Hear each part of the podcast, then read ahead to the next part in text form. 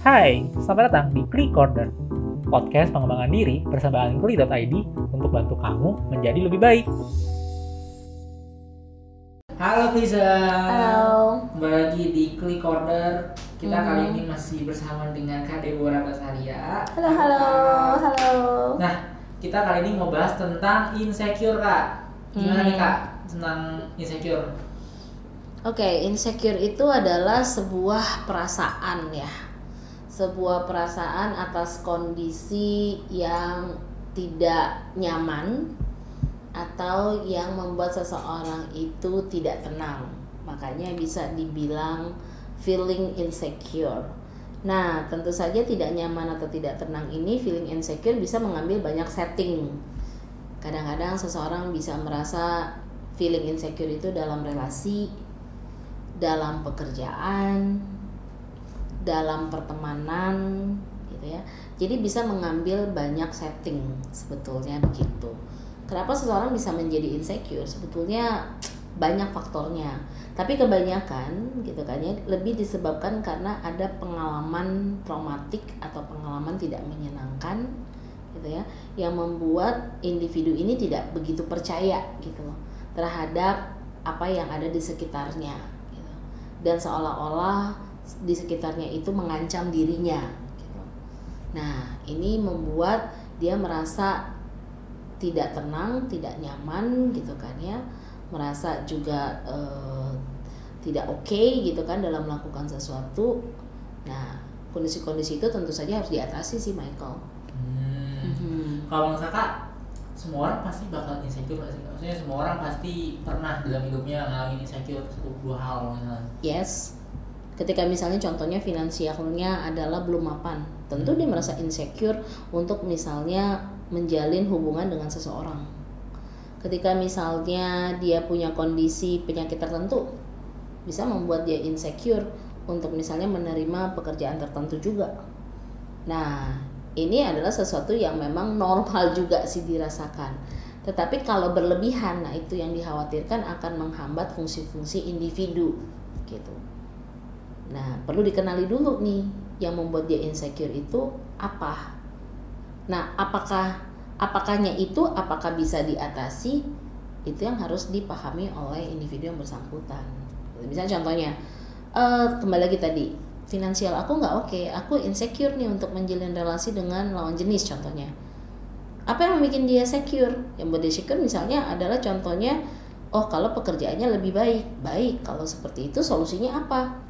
Yuk cari pekerjaan yang lebih baik misalnya dia melamar lagi, membuat CV lagi dan ketika dia mendapatkan salary yang mungkin lebih besar dari yang sebelumnya, bisa saja insecure-nya itu hilang. Dan dia bisa melanjutkan yang apa dia kejar atau dia inginkan menjalin sebuah relationship bisa saja terwujud. Begitu. Ada juga orang insecure misalnya ketika berhadapan dengan banyak orang kenapa karena mungkin dia merasa takutnya dijudge dihakimi gitu atau merasa nanti dia melakukan perilaku-perilaku yang tidak oke diketawain dan seterusnya bisa muncul insecure di situ. Terus gimana nih supaya dia bisa secure? Ya mungkin dalam artian adalah kalau dia merasa insecure dengan lima orang, dia bisa coba dengan mungkin dua orang. Kalau dia pergi eh, keluar mengajak hanya dua temannya. Nah insecure dia bisa saja berkurang menjadi secure. Jadi segala sesuatu yang kita rasakan insecure itu sebetulnya kalau mau dicari eh, pemecahannya bisa saja loh. Gitu. Tapi apakah ada orang yang merasa secure di semua hal? Nggak juga sih. Ya kan kadang-kadang naik pesawat aja bisa merasa insecure Oh iya. ini pesawatnya jatuh nggak nih Iya. iya. gitu kan jadi dengan kata lain tapi kan kita bisa agar kita enjoy the flight gimana perasaan insecure-nya diatasi dengan gimana loh saya kan misalnya contoh udah milih maskapai yang memang bonafit saya juga sudah studi literatur bahwa maskapai ini jarang mengalami eksiden Nah, ketika kita mem- membuat sebuah fakta-fakta atau menuliskan fakta-fakta itu, insecure kita untuk naik pesawat terbang itu kan bisa saja Kurang. berkurang menjadi secure karena kita sudah mengkaji Hmm. gitu. Jadi kalau dikatakan apakah ada orang yang 100% secure di semua aspek jawabannya sih enggak. Gitu. Nah, apakah uh, ada orang yang insecure di semua aspek gitu kan?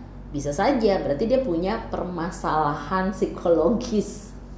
Kalau dia insecure di semua aspek. Ya kan? Berarti kan ada masalah di dia yang harus diatasi. Berarti kan bisa dikatakan perilakunya menjadi maladaptif karena insecure yang dia punya. Seperti itu. Berarti sebenarnya normal untuk orang ngerasa insecure ya, karena kan ada orang ngerasa kayak ih kok mereka pede banget ya kenapa kenapa aku tuh nggak punya pede itu? Mereka merasa kayak tuh kecil nggak nggak apa sih ngomongnya? Nggak percaya diri Nah, atau iya. mereka nggak berguna Nah, nggak nah, berdaya. nah. ya mungkin ada insecure dalam hal itu gitu ya dalam hal relationship dalam hal pertemanan.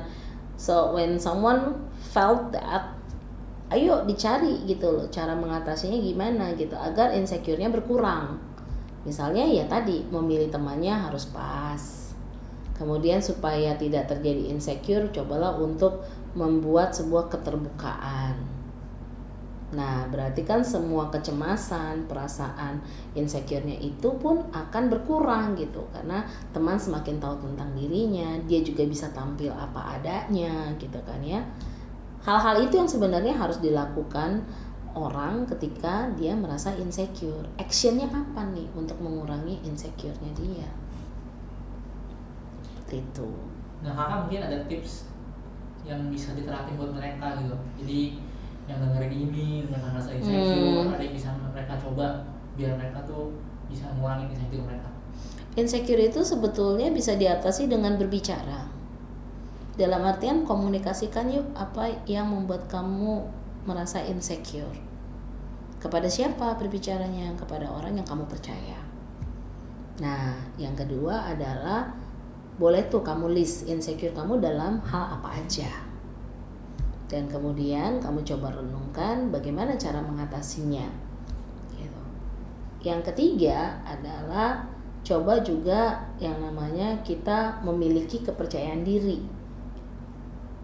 Khususnya adalah keyakinan bahwa kita mampu, kita mampu mengatasi persoalan, kita mampu untuk uh, mengerjakan hal-hal dengan baik dan seterusnya yang kami uh, sebut sebagai self efficacy. Ketika seseorang memiliki good self efficacy, sebetulnya perasaan-perasaan insecure ini bisa berkurang loh karena dia memiliki keyakinan bahwa dirinya mampu.